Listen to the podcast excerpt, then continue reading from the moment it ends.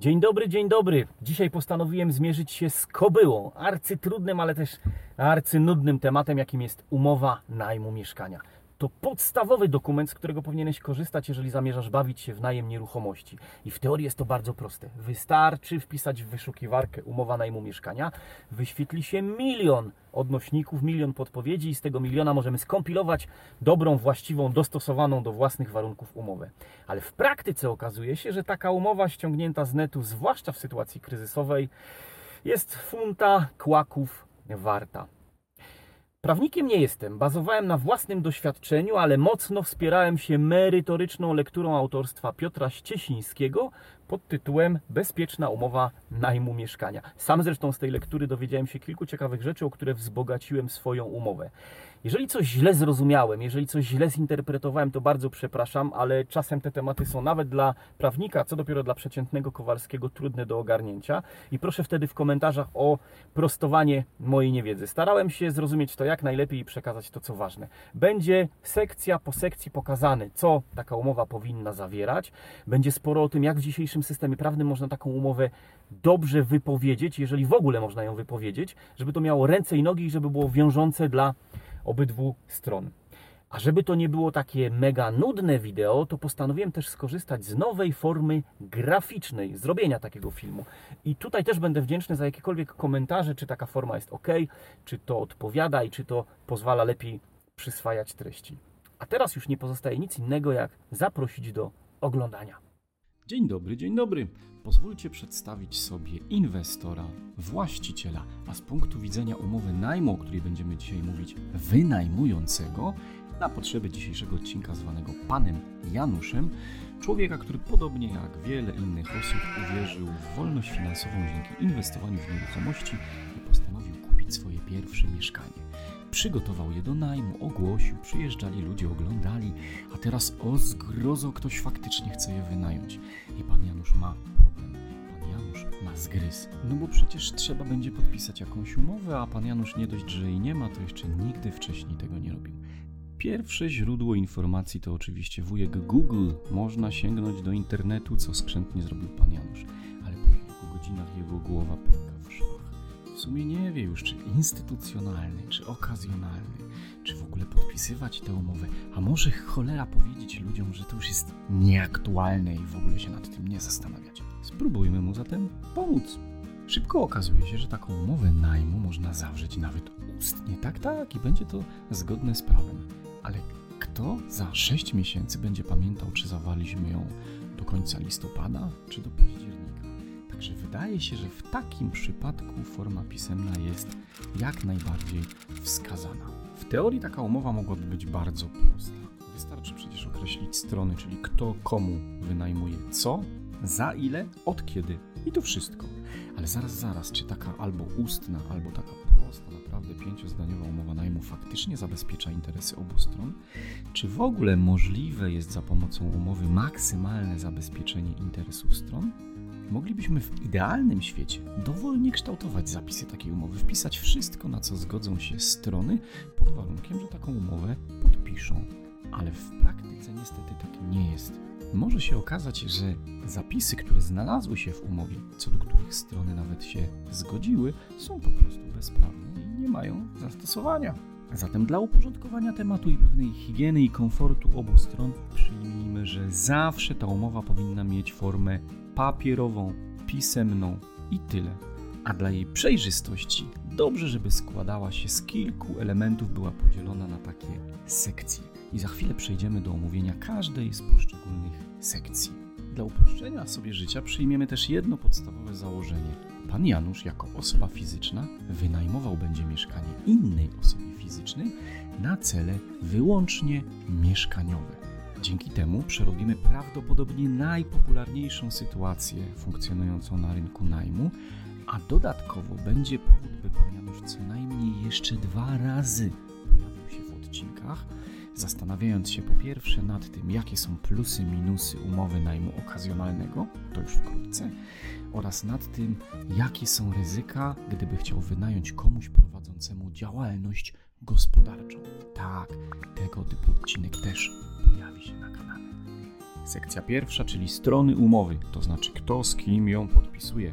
I tu wpisujemy podstawowe dane personalne: imię, nazwisko, numer PESEL. Jeżeli mamy adres zameldowania i zamieszkania, bo mogą być różne, to również. Dodatkowo warto wpisać serię i numer dowodu osobistego oraz stan cywilny. Kluczowe w tej sytuacji jest to, by do umowy wpisać wszystkie osoby, które będą mieszkały w lokalu. Dlaczego? Wyobraź sobie, że wynająć od pana Janusza mieszkanie chce młoda para. Po raz pierwszy będą mieszkać wspólnie. Na razie wydaje się, że wszystko jest ok. Ty podpisujesz umowę z chłopakiem i oni przez trzy miesiące patrzą na siebie, mieszkają razem i nagle dochodzi do kłótni. Okazuje się, że już nie mogą na siebie patrzeć, nie mogą mieszkać razem. I w lokalu zostaje dziewczyna, bo chłopak trzasnął drzwiami. Czyli osoba, z którą miałeś podpisaną umowę, się wyprowadziła, tak po prostu, a w lokalu zostaje ktoś, kto nie ma do niego tytułu prawnego. I potencjalnie może to być źródło problemów. Druga rzecz, o której warto pamiętać i wpisać do umowy w przypadku, gdy wynajmuje pan Janusz mieszkanie więcej niż jednej osobie, to prosty zapis, że za zobowiązania wynikające z umowy wszyscy najemcy odpowiadają solidarnie.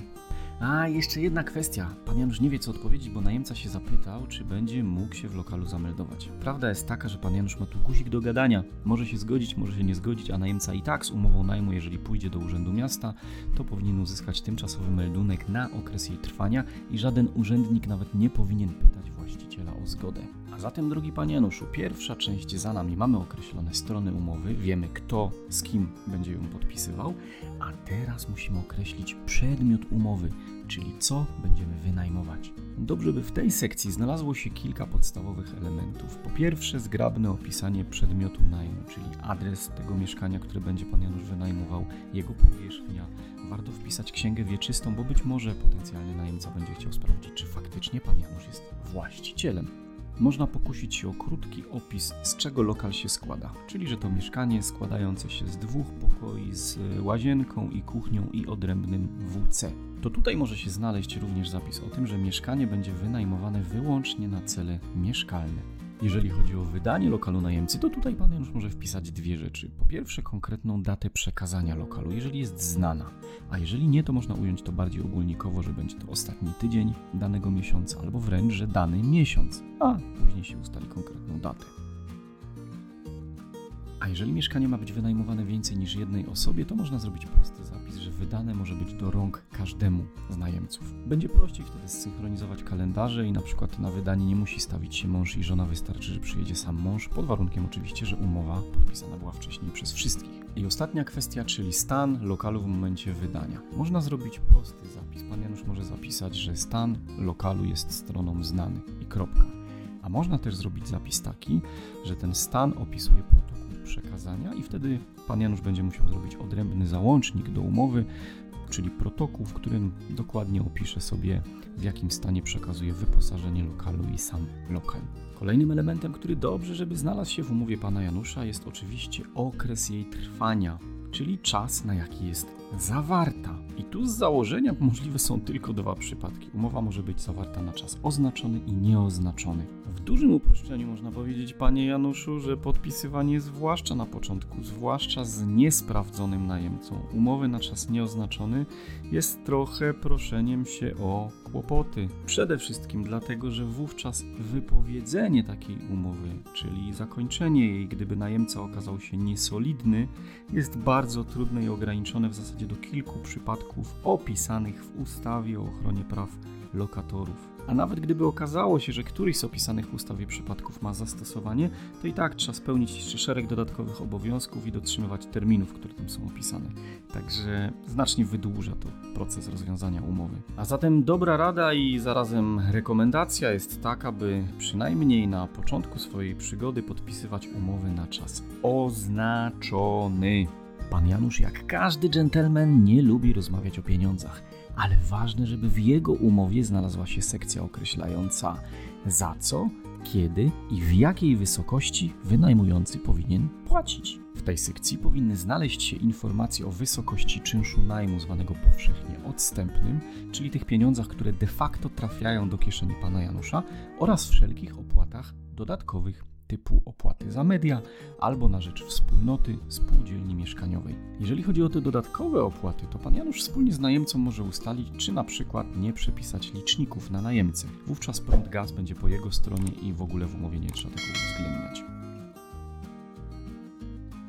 Co oczywiste, do umowy należy wpisać konkretne kwoty, które powinien płacić najemca. Ale oprócz kwot muszą znaleźć się również terminy. I tu zapis może być prosty, że na przykład do końca danego miesiąca płatność będzie dokonywana z góry za kolejny miesiąc, albo do piątego danego miesiąca za ten miesiąc z góry na wskazany przez wynajmującego rachunek bankowy. Pan Janusz może wpisać jeszcze dwie rzeczy. Pierwsza to klauzula dotycząca waloryzacji czynszu, czyli podwyższania go w każdym kolejnym roku o wskaźnik inflacji publikowany przez Główny Urząd Statystyczny. Pozwala to zachować realną wartość czynszu najmu. Drugi element to kwestia odsetek za opóźnienie w płatnościach. Tu wystarczy prosty zapis mówiący o tym, że w przypadku wystąpienia tych opóźnień najemca zobowiązuje się zapłacić odsetki ustawowe za ten okres, kiedy opóźnienie wystąpiło. A i warto jeszcze pomyśleć tutaj o dwóch rzeczach, żeby później w przypadku ewentualnej kontroli Urzędu Skarbowego mieć święty spokój mniej siwych włosów. Pan Janusz, jak prawdopodobnie każdy początkujący inwestor, skorzysta z rozliczenia podatku na zasadzie ryczałtu. I jeśli w umowie zapisał sobie, że najemca powinien dokonywać płatności w całości kwoty czynszu najmu i tych opłat dodatkowych jednym przelewem, to w przyszłości może się spotkać z zarzutem, że podatek, ten ryczałt 8,5% powinien być płacony od całości tej kwoty. A przecież jeśli pan Janusz przelewem dostaje od najemcy na przykład 2000 zł miesięcznie i w tym zawiera się 1200 czynszu najmu, pozostałe 800 zł to są płatności na rzecz wspólnoty i dostawców mediów, to z punktu widzenia urzędnika skarbowego 8,5% powinien płacić od 2000, a nie 1200 zł. I żeby uniknąć tego typu interpretacji, warto sobie to w umowie zapisać i rozdzielić. Czyli pierwszy zapis mógłby mówić o tym, że najemca będzie dokonywał dwóch przelewów. Jeden z tytułu czynszu najmu w kwocie 1200 zł, a drugi z tytułu opłat dodatkowych w wysokości np. 800 zł.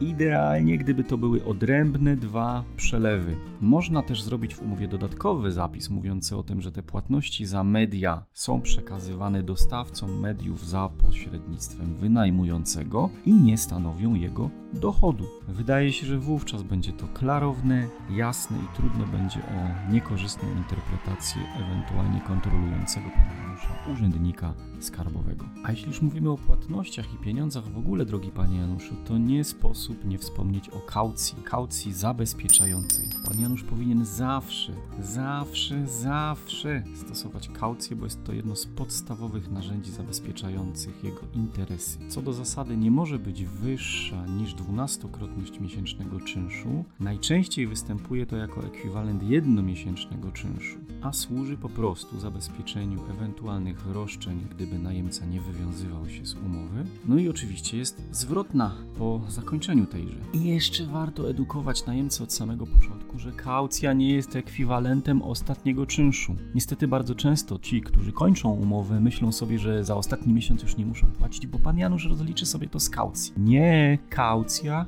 nie służy do tego.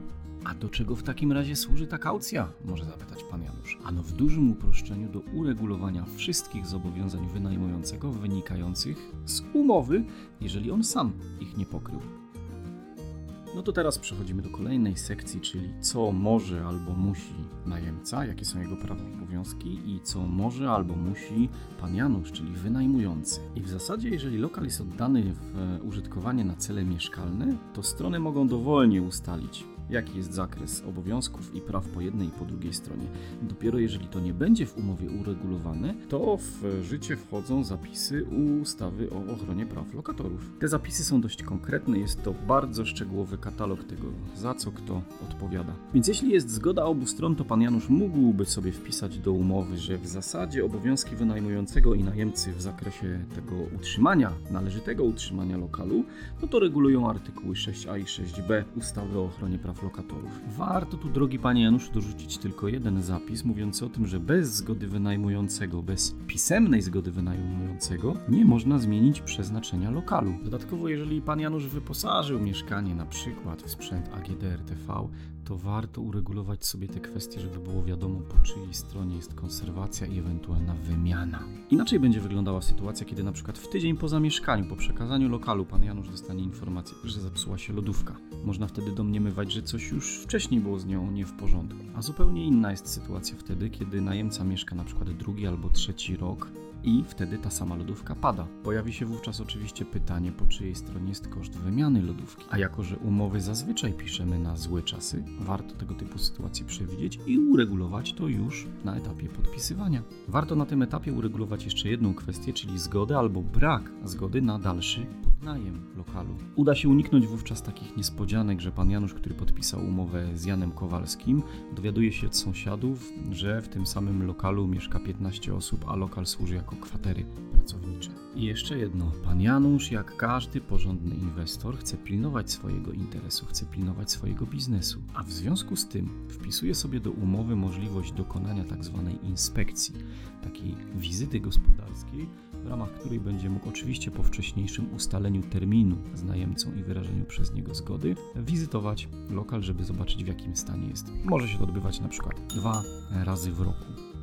Inną kwestią wartą uregulowania jest albo zgoda, albo jej brak na przechowywanie czy przebywanie w lokalu zwierząt. Jeśli dla pana Janusza to problem, warto wpisać od razu do umowy brak takiej zgody, albo od razu wpisać, jakie zwierzęta są ok, czyli na przykład przechowywane w klatkach albo w akwariach, a pies albo kot już niespecjalnie. To jest zawsze kwestia do ustalenia pomiędzy stronami. No a teraz, panie Janusz, proszę się skupić. Gruby temat, czyli wypowiedzenie umowy najmu. Niestety wygląda na to, że dużo mniej wolno tutaj wynajmującemu, czyli właścicielowi, niż najemcy. Biorąc pod uwagę umowę na czas nieoznaczony, to lista powodów, dla których wynajmujący, czyli właściciel, czyli pan, panie Januszu, mógłby taką umowę wypowiedzieć, to jest zamknięty katalog dokładnie opisany w artykule 11 ustawy o ochronie praw lokatorów. A nawet gdybyście wspólnie z najemcą ustalili i najemca by się na to zgodził, że są jakieś inne możliwe powody wypowiedzenia tej umowy przez pana, panie Januszu, to będzie to prawnie